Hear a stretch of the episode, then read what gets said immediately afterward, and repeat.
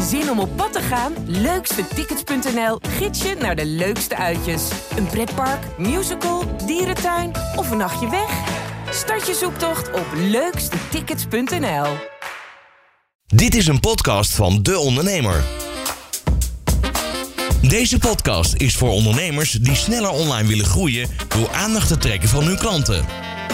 In de podcast Aandachtstrekkers signaleren we online trends, koppelen we dat aan psychologie van de klant en adviseren we hoe ondernemers daar goed op in kunnen spelen. Presentatie Michel Ariens, investeerder in start-ups en founder van de online marketing agency Crew. En Patrick Wessels, consumentenpsycholoog en copywriter. Samen willen zij ondernemers helpen om echte online aandachtstrekkers te zijn. Moet je als ondernemer een eigen serie krijgen op Netflix om keihard te kunnen groeien? Patrick en ik bespreken in deze aflevering hoe de Formule 1 spectaculaire groei heeft neergezet door hun serie op Netflix. En wat wij als ondernemers kunnen leren uit deze strategie. En moet je durven als ondernemer om je product los te laten in je contentstrategie om zo alsnog te kunnen verkopen.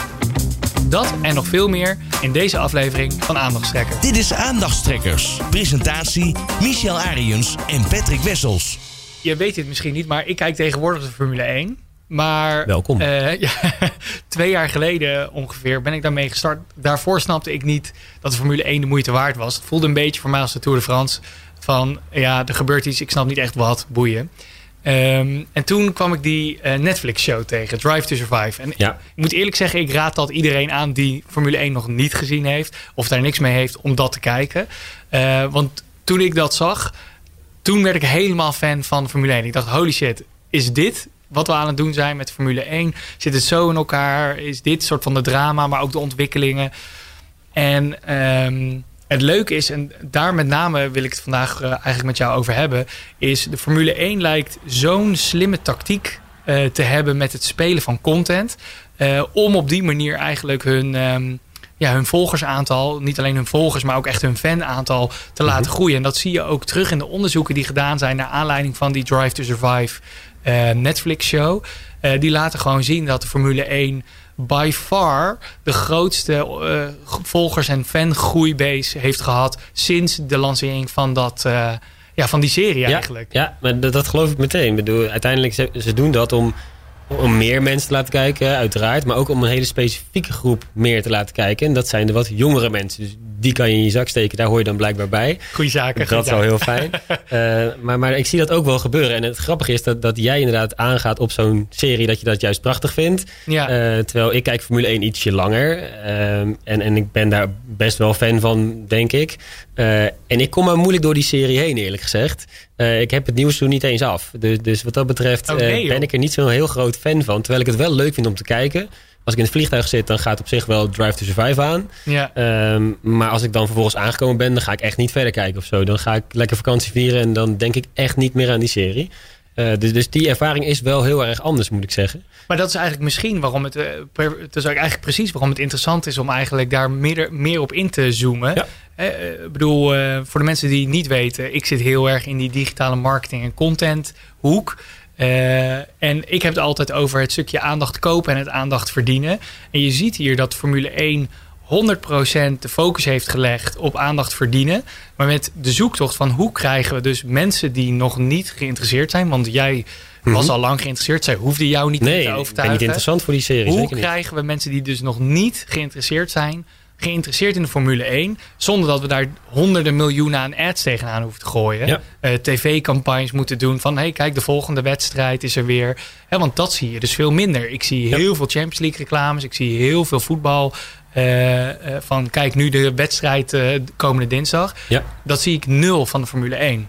Nee, klopt. Ze hebben dat inderdaad op een hele andere manier aangepakt. Dat is denk ik heel sterk. Ehm, Het lijkt te werken. Ja, nee, zeker. Het lijkt zeker te werken. En, en, en, en zij trekken dat veel verder door. Hè, want die serie is een onderdeel daarvan. En eh, ze zijn bezig geweest om natuurlijk een nieuw concept te lanceren met sprintraces. Ehm, de auto's worden veranderd om ze maar dichter achter elkaar te laten rijden. Er zitten allerlei ja, strategische keuzes in om die, die entertainmentwaarde omhoog te krijgen. En op het moment dat je nu bijvoorbeeld een vrije training zou gaan kijken, dan halverwege, duurt ongeveer een uurtje, halverwege, dan komt er ineens een, een logootje in beeld en die zegt audio up. En dan moet de commentator moet zijn mond houden. Eh, en dan moet je met z'n allen het geluid harder gaan draaien, omdat je dan die auto's zo voorbij kunt horen razen. En ja, dat gaat nergens over wat mij betreft. Nee. Ze rijden hetzelfde rondje en ik krijg dezelfde informatie. Ja. En ik kan het geluid horen. Als je dat echt wil horen, ga een keer naar de Grand Prix. Dat kan ik iedereen aanraden. Ja. Ehm, maar, maar ze doen dat puur om die mediawaarde te verhogen. En om het leuk te maken voor mensen die misschien niet bezig zijn met de strategieën. Of die, die de banden, de, de bandenstrategie niet interessant vinden. Dat zou kunnen. Dat wordt allemaal te technisch en, en te lastig misschien. Ja. Eh, maar juist inderdaad de, op een laagdrempelige manier het spektakel te laten zien. En te laten zien wat voor, nou ja, hoe, hoe die coureurs afzien bijvoorbeeld. Hoe ze elkaar uitdagen in het achterveld. Eh, hoe het dus toch heel erg leuk kan zijn als Lewis Hamilton voorop rijdt. Of Max Verstappen voorop rijdt. En de rest niemand dat bij kan houden. Ja, precies. Ja, maar dan is er nog heel veel te beleven. En dat zie je in die serie denk ik heel goed inderdaad. Dan kan zomaar McLaren eh, met een Aston Martin aan het stoeien zijn. Eh, dat komt uiteraard pas volgend jaar in de serie. Omdat je dus een jaar achterloopt. Dat is een reden dat ik er niet naar kijk. Maar, maar dat soort gevechten, dat zie je daar. En dat vind ik heel knap gedaan. Dat je daar een hele andere kant van Formule 1 kunt zien. Waardoor je ondertussen denkt, ja, maar als ik dit nu weet, dan wil ik waarschijnlijk ook die race gaan zien. En zo zuigen ze je, denk ik wel, eh, het hele ecosysteem van hun content in. En dat doen ze denk ik heel erg goed. Ja, want eh, laat ik dan even mijn consumer journey naar de Formule 1, hè, de funnel van de Formule 1 voor mij eh, uitleggen is. Ze zijn dus voor mij begonnen met Drive to Survive. Nou, dan krijg je, hè, daar hebben ze waarschijnlijk met Netflix hele goede deals over gesloten. Van zorg dat dat dus bij een bepaalde demographic bovenaan de lijst komt. Zorg dat het goed zichtbaar is. Dan krijg ik, zit ik die serie te kijken. En inderdaad, precies wat je zegt. Ik, eh, ik wist niet dat er al die battles waren. Ik snapte niet de onderlinge, eh, hoe het zat met Renault en Red Bull eh, drie seizoenen geleden. Allemaal dit soort ontwikkelingen was ik nul van op de hoogte. Dus daar begon het eigenlijk. En dan ga, wat, is mijn volgende stap? Ik ben, ik, ben, zeven, of ik ben nu 31. Ik was toen dus 28 toen ik dat zat te kijken. En toen zat ik soort van, oké, waar ga ik dan kijken? Dan ga ik dus naar YouTube toe. En eh, eh, op een gegeven moment begint dus mijn YouTube-feed ook gevuld te raken met video's van de Formule 1. En dat is ook dezelfde periode dat Formule 1 bijvoorbeeld begon met gratis samenvattingen van de wedstrijden op YouTube plaatsen. En again, dat zie je ook weer het verschil met andere. Eh, met andere sporten, waar samenvattingen vaak achter paywalls zitten. Ja. eh, van, bijvoorbeeld bij NOS of bij, bij Ziggo of waar dan ook.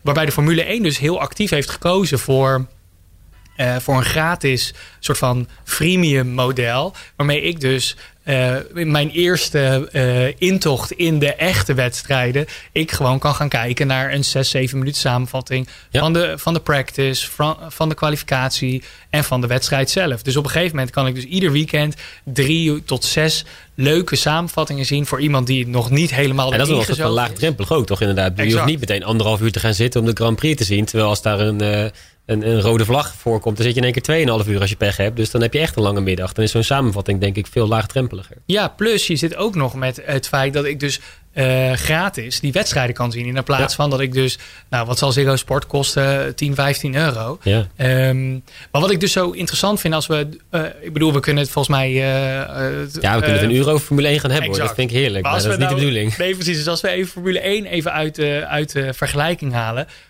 Wat ik veel interessanter vind, is dus eigenlijk dat Formule 1 heel goed lijkt te begrijpen. Waar ik nu zie dat heel veel bedrijven, merken en andere sportfranchises eigenlijk nog achterblijven. Is dus begrijpen dat ze in de markt zitten om aandacht te vangen. En ehm, dat zij heel duidelijk een, een, een methode of een strategie aan het ontwikkelen zijn om zoveel mogelijk aandacht te vangen. En uiteindelijk gebruiken ze die aandacht dan om te verkopen. Ik bedoel, dat is uiteindelijk wa- waarom entertainment gebouwd wordt, namelijk eh, ads verkopen en sponsorships doen. Maar dat vind ik zo interessant om te zien van wat, wat kunnen wij nou als ondernemers hiermee doen? En hoe werkt dit nou voor een consument? Soort van hoe, hoe word je dus hier zo ingezogen? Nou, ik heb eigenlijk net al een beetje verteld, maar eh, laten we nou eens eerst. Ik wil eerst nog een beetje inzoomen van kan je misschien een beetje uitleggen waarom ik zo word ingezogen in dit, in dit ecosysteem? Nou, waarom je in ieder geval eh, voor een deel, denk ik, daar wordt ingezogen, is omdat normaal gesproken, als je als consument ehm, communicatie krijgt vanuit een merk of een bedrijf, eh, dan heb je automatisch wat ze dan met een heel net woord een bullshit detector noemen. Ja. Die is er altijd. Is dat het net woord? Nee, dus dat is, geen, dat is sarcastisch bedoeld. Wij gaan elkaar steeds beter leren kennen Ja, tijdens precies. deze serie. Eh, maar, maar dat is het probleem met, met het communiceren vanuit een merk naar een consument. Dat kan eigenlijk niet. Ja. Omdat diegene zegt, ja, hoe eens even, jij gaat mij wat verkopen. Ik heb er geen zin in. Dat, dat is standaard. Eh, wat merken dan dus kunnen doen, is dat via allerlei andere kanalen doen. Omdat ze dan in één keer wel de mogelijkheid krijgen om jou te bereiken. Via een influencer of zo. Eh, of wat dus de Formule 1 denk ik doet. Ehm, dat, dat, hè, dat bullshit gedeelte zit echt op een rationeel element. Ik wil wat verkopen en jij moet het van mij kopen. Dat is super rationeel, het kost dit en jij gaat dat bij mij afrekenen. Ja. Het andere uiterste is een heel hedonistische benadering. En hedonistisch betekent voor de leuk of in ieder geval iets wat niets met geld of ratio te maken heeft. En hoe verder je dus weggaat van die ratio in dat geld en iets willen verkopen, hoe makkelijker het wordt om door te dringen. Want als ik met een verhaal kom wat dus geen geld kost, ontzettend leuk is en helemaal niks met verkopen te maken heeft, namelijk dat gratis filmpje op YouTube, ofwel die Netflix-serie waar je toch al voor betaald had uh, en toch heel blij van wordt, uh, dan krijg ik als merk de mogelijkheid om tot jou door te dringen, omdat ik niet aan het verkopen ben. En, en zelfs uh, de, de eerste keer dat je communiceert, dan, dan is het nog een heel klein beetje lastig. Misschien dat iemand denkt van ja, het blijft toch een merk. Wat is dan het alletje onder het gras? Maar als je dan vervolgens een hele serie kunt kijken, tien afleveringen of zo waarschijnlijk, ja. misschien wel twaalf. Uh, dan krijg je toch wel het idee van, nou, volgens mij valt dit wel mee. Volgens mij gaan ze niet per se wat verkopen. Nu vertrouw ik het wel. Die, die guard die je hebt eigenlijk, die wordt steeds lager. En daardoor krijg je de kans om als merk binnen te dringen bij zo'n consument. Ja. En, en dat is wat denk ik de Formule 1 heel goed doet. Dat ze puur op dus die hedonistische waarden zitten. Van iets leuks brengen waar mensen van kunnen genieten. En, en het woord geld, ratio, verkopen, wat dan ook... komt in de verste verte niet voor. En dan krijg je denk ik de kans om die communicatie over te brengen. En dan ben jij zo bereid om dat te willen accepteren, denk ik. Ja, precies. Nou, dat vind ik wel grappig. Want ik ben zelf, ik ben zelf nooit lid geworden van bijvoorbeeld Fox Sports of zo. Of een dergelijk uh, kanaal. Uh, en als ik even terugdenk naar inderdaad de ads die ik herken... of de, de acquisitiemethode die ik herken van Fox Sports... was altijd heel erg, weet je wel, neem een, uh, neem een dagabonnement even af... of ja. betaal 17 euro om de eredivisiewedstrijden te zien. Ja. Altijd heel erg gericht op, jij, weet, jij wil vast al voetbal kijken...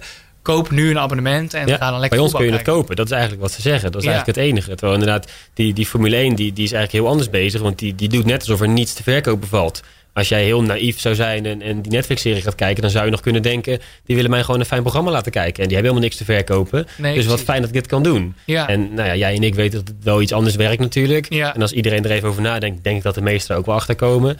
Um, maar door die associatie op geen enkele manier te maken... zorg je ervoor dat mensen dus wat ontvankelijker worden voor je informatie. En dan is het een kwestie van natuurlijk zoveel mogelijk in contact zijn met je consument door zoveel mogelijk te laten zien. En dat begint dan met die Netflix-serie. Daarna ga je YouTube-video's kijken. Ja, op een gegeven moment begin je dat echt leuk te vinden. Uh, en als je het echt leuk gaat vinden, dan langzaamaan word je bereid om ergens iets voor te gaan betalen. Maar, maar dat is een heel soort van delicaat evenwicht. Dat je daar lang mee moet wachten voordat je diegene zover hebt. En, en dat is denk ik wat de Formule 1 nu in het extreme laat zien. Die wachten daar ontzettend lang mee voordat ze eigenlijk jou een keer benaderen van je zou ook eventueel kunnen betalen. Waarschijnlijk heb jij dat moment nog niet eens gehad op dit moment. Nee, ik heb nog geen. Uh, nou, ik merk dat ik steeds meer. Nou, de deal met Ziggo is, uh, is, is, is ja. no more. Maar ik kreeg wel steeds meer ook Ziggo Formule 1 video's in mijn feed hm. verschijnen. Ja. En ik zie alle ads die ik krijg dus van Ziggo Sport is. Uh, kijk met Ziggo Sport de wedstrijden. Ja. En dus koop een Ziggo Sport abonnement. Ja. Um, maar de F1 TV Pro app. Weet je of je die nee, daar heb ik dus helemaal. Daar, nee. heb ik, daar ben ik nul. Terwijl, daar kun je gewoon een abonnement afsluiten. En dan kun je dat allemaal gewoon kijken. Daar heb je helemaal geen Ziggo abonnement voor nodig op dat moment. Dat zou kunnen. Maar het feit dat jij dat nog niet voorgesteld krijgt, geeft eigenlijk al aan dat ze daar dus helemaal niet mee bezig zijn. Nee. Anders hadden ze het je wel ergens gepusht waarschijnlijk en had je het gezien. Exact. En dat zie je dus ook terug in alle samenvattingen. Nergens zie je de hele tijd. Dus het enige waar ze op pushen en dat gebeurt al eigenlijk niet. Niemand vraagt ooit na een samenvatting subscribe. Niemand nee. zegt like. Niemand, uh, in geen één video gebeurt dit. Um, en dan, ik, kan, ik hoor nu allemaal mensen denken aan de andere kant... die, die deze podcast aan het luisteren zijn. Ja, maar dan, wat, wat heb je er dan aan? Ja. Je, hoe kan je dit meten? Wat heb je er? En dat blijft natuurlijk lastig. Dit is echt een conviction ja. van, uh, van de Formule 1 die werkt. Ik bedoel, uh, dit is wel het advies wat ik altijd aan ondernemers geef. Maar de, deze methode van he, de consument aan je binden... voordat je überhaupt iets begint mm -hmm. te verkopen... Uh, dat is de, de, de vergelijking die vaak wordt gemaakt. Je loopt ook niet random in een kroeg naar een dame toe... en je zegt vanavond mee naar huis. Nee, inderdaad. Voordat je überhaupt weet... Het schijnt als je dat honderd keer probeert... heb ik van een vriend gehoord dat er heus wel eentje hapt. Nou, uh, ik ga dat niet honderd keer proberen. Maar uh, de gedachtegang daar is natuurlijk van... je moet eerst een band uh, opbouwen. En ik denk um, dat we wel als ondernemers heel veel kunnen leren van de Formule 1. Ik denk, het advies is niet... hoe zorg je dat je op Netflix een serie krijgt? Nee, Helaas, nee, ik, ik, onderneem al een paar jaar. Ik ben nog niet gevraagd nee, naar Netflix. Nee, ik ook nog niet. Uh, maar ik denk wel dat we heel veel lessen kunnen trekken... waar echt nog heel veel ondernemers tekortschieten. Ja, nou, ik denk ook Eh, wat een, wat een mooi punt is voor heel veel ondernemers... dat het best wel lastig is om te bedenken... hoe je nou vaker met je consument in contact kunt komen. Even los van het verkoop. Want je zou kunnen proberen om iedere week een mail te sturen... met koop dit of koop dat. Dat, dat ja, kan. dat gebeurt al. Dat eh, gebeurt al inderdaad. Ja, juist. Maar, maar hoe krijg je het nou voor elkaar om dan toch, laten we zeggen, één keer per twee weken als, als andere ondernemer, als, als eenvoudig ondernemer, met je consument in contact te zijn? Dat is best wel moeilijk. Terwijl de Formule 1, die heeft elke twee weken een race. Maar daarvoor is dat niet voldoende. Die gaan proberen om iedere dag met jou in contact te zijn. Jij moet Netflix-serie kijken, jij kan YouTube-filmpjes kijken, je kan van alles bekijken wat extra is. Wat helemaal niet gerelateerd is aan dat raceweekend. Want dat duurt soms twee weken. En in de vakantieperiode zelfs iets langer. Dus ik denk dat zij heel sterk zijn in een manier vinden om vaker met je consument in contact te zijn. En vanuit dat contact die band steeds sterker te maken. En ik denk dat ondernemers daar ook naar moeten zoeken. Naar hoe kan ik op een of andere manier bijvoorbeeld content maken. Of op een andere manier in contact komen met informatie of met amusement of met wat dan ook. Om vaker die, dat gesprek aan te gaan. En als dat lukt, dat je dan die band met je consument sterker kunt maken, sterker kunt houden. En dat je dan ook die loyaliteit zal ervaren dat mensen naar jou terug blijven komen. Ik denk dat daar een hele belangrijke waarde in zit. En dat de Formule 1 dat heel goed doet op dit moment. Nou, je ziet ook, eh, ik vind ook dat zij op dat inzicht ook blijven doorinnoveren. hè. Dus we hadden het eh, hiervoor ook al even over die sprint die dus geïntroduceerd wordt. Om dus nog meer races in een weekend eh, te krijgen. Maar als je bijvoorbeeld kijkt naar hun YouTube-strategie, krijg je dus op een maandag bijvoorbeeld de meeste, de tien heftigste crashes ooit. Of dit gebeurde drie jaar geleden bij de GP van, eh van Bakar. Ja. Dus er wordt echt eh, gewerkt aan continu inderdaad, wat jij ne- net ook zei, in contact zijn met die consument. En Ziggo doet het ook. Hè? Want Ziggo bijvoorbeeld heeft in het begin, eh, toen Ziggo het op ging pakken, toen Max Verstappen mee ging rijden, gingen er meer mensen kijken. Toen hebben ze zo'n Formule 1 café geïntroduceerd op vrijdagavond. En dat gingen ze doen bij de raceweekend. Dat was er een Formule 1 café. Ja. En al vrij snel had Ziggo door dat dat eigenlijk zonde was. Je kan net zo goed iedere vrijdag zo'n Formule 1 café plannen. Want dan weten ook mensen waar ze aan toe zijn. Dat is ook makkelijk. Ja. Maar je hebt ook gewoon meer contactmomenten. En uiteindelijk kun je nu dus iedere week kun je dat programma kijken. Of er nou een race is of niet. Dat maakt helemaal niet uit. Het programma gaat gewoon door. ja, precies. En los daarvan zijn de eh, crashen in de keuken. En zijn allerlei afgeleiden van gemaakt. Om jou maar op allerlei verschillende dagen een programmaatje te laten kijken rondom de Formule 1. ja. En dat is allemaal om natuurlijk vaker met je in contact te zijn. Dus dat hebben ze heel slim gedaan. En Ziggo kijkt goed mee hoe de Formule 1 dat doet. ja, maar dus laten we, laten we het dan terugbrengen naar de ondernemers die niet eh, eh, 200 miljoen aan marketingbudget hebben liggen ieder jaar om series te maken en eh, Ziggo eh, zover te krijgen om ook allerlei content te maken. Ik denk, ehm, ik denk, volgens mij is de eerste realisatie, eh, en daar wil ik eigenlijk nog even wel bij, lang bij stilstaan eigenlijk. Volgens mij is de eerste realisatie die je moet nemen als, eh, als ondernemer, als, als merk, als, als wa- wat jij ook wil verkopen uiteindelijk, is dat je moet realiseren dat je praat met een consument. Ja. Ehm, die helemaal niet wakker wordt of slaapt met jouw bedrijf of jouw merk in gedachten. Terwijl ondernemers dat zelf wel doen. Hè? En die merken zelf ook. Stel je bent, eh, ik was brandmanager bij Unox. Ja, het enige waar ik de hele dag mee bezig was, is hoe kan ik zorgen dat meer mensen rookworst kopen? Of Ja. eh, eh, wat is het volgende product van Unox? Terwijl de grap is, geen één persoon wordt wakker denken ook eh, vanavond ga ik rookworst eten. Nee, dat, dat, is een, dat is mijn visie en dat moet je los leren laten als Mhm. ondernemer, als marketeer. En dus na gaan denken, wat wil die consument? En ik, als je echt gaat kijken naar de ads die langskomen op Instagram of op Facebook of op Google. En echt even een soort van concurrentieonderzoek doet. En gewoon gaat kijken, wat gebeurt er in mijn markt? Ik durf je op een, op een zilver blaadje mee te geven dat 99% van de ads gaat over eh, koop dit nu. Ja. Zelfs de organische content, zelfs de nieuwsbrieven. In, de ik, in de grootste deel van de nieuwsbrieven die ik krijg van bedrijven staat super trots dat we nu dit hebben mogen introduceren. Ja. Dat is geen nieuwsbrief. Ja, oké, het is nieuws, maar eh, voor mij als consument is Nee, het maakt niemand de delete-knop echt heel dichtbij. Nee, klopt. Ja, zeker. Ik krijg heel veel aanvragen om dat soort nieuwsbrieven te schrijven. Eh, dat, dat doe ik als ze het echt heel graag willen. Maar ik adviseer altijd om het niet te doen. En ook als dat betekent dat ik dus niet voor ze aan de slag kan. Want het gewoon geen zin heeft. Ik geloof daar niet in. Nee, precies. Je zal op de een of andere manier eh, informatie moeten geven die mensen nog niet hadden en waardevol vinden, denk ik. Je zou op de een of andere manier moeten entertainen of, of op een of andere manier amusement moeten brengen. Ehm, en, en wat denk ik merken op dit moment wel steeds beter onder de knie krijgen, de wat grotere, zijn de inhakers. Dat, dat gaat steeds beter. Ja. Ehm, daar zie je best wel leuke dingen voorbij komen. Uh, waardoor er echt niet per se een verkoopboodschap in hoeft te zitten. Maar je wel met je merk even zichtbaar kunt zijn. Maar dat is super vluchtig natuurlijk. Want Klopt, ja. uh, soort van op 28 april is het Koningsdag. Hartstikke leuk. En 29 april boeit niemand meer wat. Nee, maar er gebeurt natuurlijk wel vaker wat. Dus op zich kun je dat wel proberen goed te doen. Maar ik denk als je, als je daar op een of andere manier... Ja, je kunt beginnen met een kalender en dan ga je zeggen... ik ga op die dag dat doen en op die dag dat. Ja. Um, maar vanuit creativiteit, als er, als er ergens iets gebeurt... Uh, ik zag toevallig voor thuisbezorgd dat, uh, dat de Engelsen steeds riepen It's coming home. En als thuisbezorgd dan in Londen van die hele grote billboards heeft met It's coming home met thuisbezorgd in het Engels. Ja, dat, dat vind ik fantastisch. Dat is een manier waarop je dan heel relevant bent ineens. En natuurlijk is dat vluchtig, absoluut. Ja. Uh, maar, maar dat geeft wel een denkwijze weer. En dan is thuisbezorgd weer een heel groot bedrijf die dat met heel veel slimme marketeers kan doen. Uh, maar die denkwijze, uh, om dat verkoop even los te laten die manier van denken, die mindset, ik denk dat heel veel ondernemers daar heel veel waarde uit kunnen halen.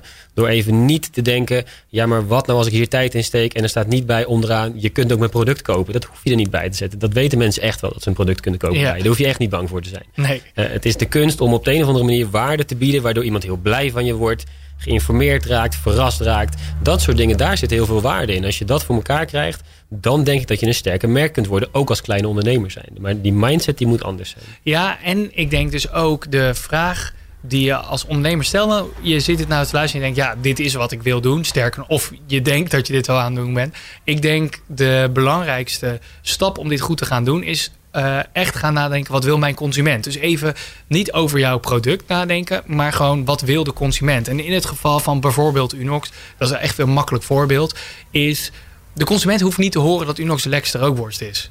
Unox als rookworst werd toch al het meest verkocht. Dus die, die soort van, dat is niet meer in vragen. En dat je het kan kopen in je Albert Heijn is ook bekend. Mm -hmm. um, alleen waar, waar, wanneer wordt er, wordt er gekozen voor een rookworst? Is als er besloten is wat er die avond gegeten gaat Ja. worden.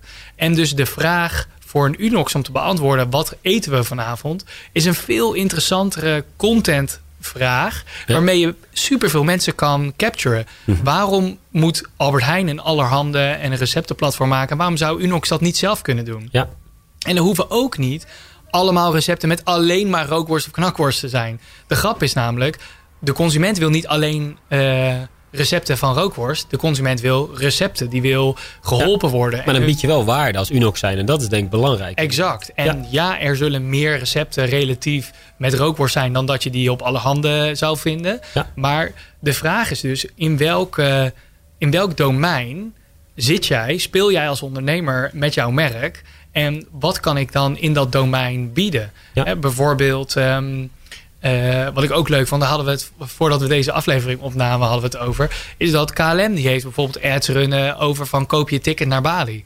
Maar waarom heeft de KLM bijvoorbeeld niet zelf allerlei gave eh, shows of YouTube-video's over Bali, die Mhm. ik dan kijk en dan denk ik van, hé, hey, ik wil misschien wel naar Bali. Nou, Ja. dan is de kans dat ik een ticket van, eh, naar Bali koop bij KLM groter dan als Ja. ze mij gewoon een ad laten zien, ga naar Bali. Ja, ze hebben zo'n boek waarin ze dat redelijk doen. De Holland Herald, geloof ik. En, en Oh ja. de Flying Dutchman krijg je dan thuis. En er staan die reisverhalen wel in. Maar inderdaad netjes met een bannetje erbij. Of noem je dat als het bedrukt is? Dat weet ik eigenlijk niet. Eh, maar feit is dat ik dan een reis moet boeken bij ze. Ja. Terwijl ik wil gewoon inderdaad geïnspireerd worden. Ik, want ik wil graag naar Bali toe bijvoorbeeld. Ja, En dan weet ik echt wel dat ik dat bij KLM kan halen natuurlijk. Dat, dat lijkt me logisch. precies. Ehm, precies. Dus- Alleen dan, dan heb je alleen nog, hè, dat is dan wel belangrijk denk ik, dat eh, je kan ook in een markt zitten waar het natuurlijk heel lastig is om, eh, om onderscheidend te zijn. Bijvoorbeeld, stel dat je energie levert, ja, heel veel succes. Dan zal je het toch moeten hebben van iets anders dan je, je product. En, en dat is wel iets om rekening mee te houden. Dat je dan dus denk ik op een of andere manier je merk zo interessant moet maken dat mensen graag bij jou willen horen. Dat, dat hoort daar in het verlengde wel bij. Ja. Eh, anders dan is het wel heel makkelijk om je informatie weg te geven, mensen te inspireren en vervolgens lopen ze naar de goedkoopste. Dat is denk ik wel iets waar veel ondernemers tegenaan lopen. Uh, maar, maar dan zit de oplossing denk ik in het merk bouwen en het, het, het leuk gevonden worden. Uh, en als je dat voor elkaar krijgt, dan komen mensen toch echt wel naar jou terug. Ja, precies. Nou, ik vind uh, wat ik. Um, ik ben wel met je eens hoor. Maar even als advocaat van de andere kant toch. Uh, wat ik bijvoorbeeld heel leuk vind, was een verhaal um, van een tandarts uit, uh, uit, uh, uit Amerika. Zij, zij geloofde ook in, ik moet, uh, ik moet content maken en ik weet niet wat. Maar zij ging gewoon van alles proberen. En een van de dingen die zij leuk vond, en dit even by the way, dit is niet per se de strategie die ik iedereen zou aanraden. Maar zij, zij ging nadenken wat zij zelf leuk vond om te maken. En een van die dingen wat zij leuk vond was muziek maken. Dus zij had bedacht, ik ga gewoon bekende liedjes opnieuw zingen. En in dat liedje leg ik bijvoorbeeld een tandartsbehandeling uit. Wat is nou een wortelkanaalbehandeling op de melodie van uh, een of ander Backstreet Boys nummer, weet ik veel. En dat ging ze uploaden naar Snapchat. En echt binnen een paar maanden eh, kon zij soort van niks meer. Want haar agenda zat barstens vol. Omdat al die kids die dat zaten te kijken... die dachten, holy shit, ik wil naar die tandarts toe. Ja. En eh, dit, is, dit werkt natuurlijk niet voor iedereen. Maar nee, het maar gaat het idee is wel heel van- leuk. Er zit heel veel angst vaak bij met name kinderen voor een tandarts. Precies. Eh, en waar zit nou geen angst in? Dat is in liedjes zingen. Dus, dus dat, dat is heel sterk inderdaad. Dat Ja. denk ik ook, ja. En ik denk dus, eh, dus er zijn domeinen die zo quote-unquote saai zijn. Ja. Dat je misschien afvraagt van, kan ik daar leuke content omheen maken? Ja. Maar bijvoorbeeld, als je het hebt over de energiemaatschappijen. Een gedachtegang die ik dan heel erg zou hebben is... ehm, ik wil niet alleen hebben over dat je energie kan leveren. Want dat kan iedere energiemaatschappij. Maar bijvoorbeeld, zou ik mijn huis moeten isoleren? Eh, moet ik wel of niet dubbel glas hebben? Waar moet ik over nadenken als ik eh, bijvoorbeeld... Moet, kan ik beter een infraroodpanel ergens ophangen... versus nog een radiator neerzetten? Al dat soort vragen kan ik niet vinden bij een energiemaatschappij. Al die vragen worden beantwoord door een andere blog... of Ja. door, een, eh, door een loodgieter die het, het spel wel een beetje begrepen heeft. Ja. En Nou, er is inderdaad zo'n energiemaatschappij die zegt fossielvrij leven binnen één generatie. Dat is een goed voorbeeld daarvan. Eh, die zijn bezig met iets heel anders dan alleen maar energie verkopen. Want dat, natuurlijk, daar gaat het uiteindelijk om. Maar ondertussen willen ze heel duidelijk laten zien... dat is onze missie, daar gaan wij naartoe. Voel je daar nou bij betrokken? Vind je dat ook? Dan hoor je dus bij ons. Ja, ik vind dat dat een hele goede manier is om dat voor elkaar te krijgen. Om een duidelijke visie neer te zetten. Die kant willen we op. Dit vinden we belangrijk. Eh, en of dat inderdaad een tandarts is die het vooral heel leuk wil maken met liedjes die ze zingt. Of dat het een energieleverancier is die zegt we gaan met z'n allen duurzamer zijn. Ja, dat zijn wel manieren waarop je dus zo'n consument, denk ik, aan je bindt. En, en dat je bijzonder wordt ten opzichte van wat er allemaal al is. Eh, en dan, dan kun je het jezelf ook veroorloven om allerlei informatie weg te geven, amusement te creëren. Ehm, en zeker te weten dat die consument uiteindelijk toch wel een keer bij je terechtkomt. Ja, precies. En ik denk uiteindelijk de meest ultieme vorm als je wil weten of je dit nou goed aan het doen bent als ondernemer is bijvoorbeeld, ik vind Febo, die dus hè, de snackbar eh, eh, chain, die dus eh, met, met merchandise komt en kleding komt en dat dat verkoopt. Eh, wat dus twee dingen laat zien. Eén is, ze hebben die fans echt aan zich weten te koppelen. Eh, en twee is, door dus nog meer zichtbaar te zijn op momenten dat je niet per se direct een frietje koopt. We hebben dan dus chillkleding van die je draagt op de bank. Nou, kan je wel wat vertellen als jij een brakke ochtend of avond hebt gehad. En je wordt de volgende ochtend wakker en je doet eh, je sloffen aan waar Febo op staat. Drie keer raden waar je die avond Ja. eh, even je brakke maaltijd gaat halen. Ja, de kans dat het bij Febo is, is tien keer zo hoog dan dat het eh, bij McDonald's is. Ja, nee, helemaal, helemaal waar inderdaad. Nog los van inderdaad een meer exposure effect wat daarvan uitgaat. Maar, Exact. maar zeker, ja, nee, absoluut. Heel sterk. Ja, dus ik denk, ik, ik denk, ik zou eigenlijk iedereen die luistert, dus hè, het is een beetje een dooddoener, omdat iedereen eh soort van zegt, nou, je moet meer content maken. Maar ik Ja. denk uiteindelijk dat, eh, Nou, misschien is het wel goed om niet te zeggen je moet meer content maken. Want die stap daarvoor vind ik eigenlijk die jij noemde veel interessanter. Door eens goed na te denken over wat wil die consument nou echt van je. ja, En niet per se van je, maar gewoon in het algemeen. Wat zijn nou motivaties die daaronder liggen? binnen dat domein. Juist, wat vindt hij nou belangrijk? Of wat zijn mogelijke angsten, zoals bij die tandarts? Wat zou nou diegene echt graag willen? Of dat nou van jou is of van iemand anders, dat maakt even niet uit. Wat zou diegene nou willen? Ja. En waar wordt diegene nou blij van? Of wat, wat vindt die informatie vindt hij interessant? Eh, ik denk als je dat weet te achterhalen, als je dat haakje hebt, dat die content echt makkelijker wordt. Dus ik denk dat je niet eens moet beginnen misschien met die content, maar even een stapje terug moet gaan. Nee, wat, en dan, ja, ik ben met je eens. En dan jezelf eigenlijk de challenge neerleggen. Wat zou die con- consument zo graag willen zien, Ja. dat hij er, als ik er nul ads, niks achter zou stoppen, dat hij nog steeds zou komen. Ja, Dus dat het zo diep zit van die consument vindt het zo leuk. Daar hoef Ja. je bijna geen ads voor te draaien. precies. Die komt namelijk gewoon wel En terug. kleine spoiler, dat is nooit je product. Want dat is niet wat die Exact. consument echt wil. Er, er zit Nooit. iets diepers onder. Er is een behoefte. En als je die weet te achterhalen... dan wordt het denk ik heel veel makkelijker om die content goed te krijgen. En uiteindelijk in het verlengde je product aantrekkelijker te maken. Eh, maar het is nooit je product wat diegene echt wil. Zo werkt het. Nee, precies. Dus eigenlijk al je producten uit je contentkalender slopen. Om te beginnen. Ja, laten we dat maar gaan doen. Ja, precies. Hey jongens, bedankt voor het luisteren. Voor mensen die eh, vragen hebben of eh, abonneren of eh, reviews achter willen laten. Super tof. Eh, ja, tot de volgende. Tot de volgende. Tot zover Aandachtstrekkers, een podcastserie van De Ondernemer. Ga voor meer podcasts naar deondernemer.nl.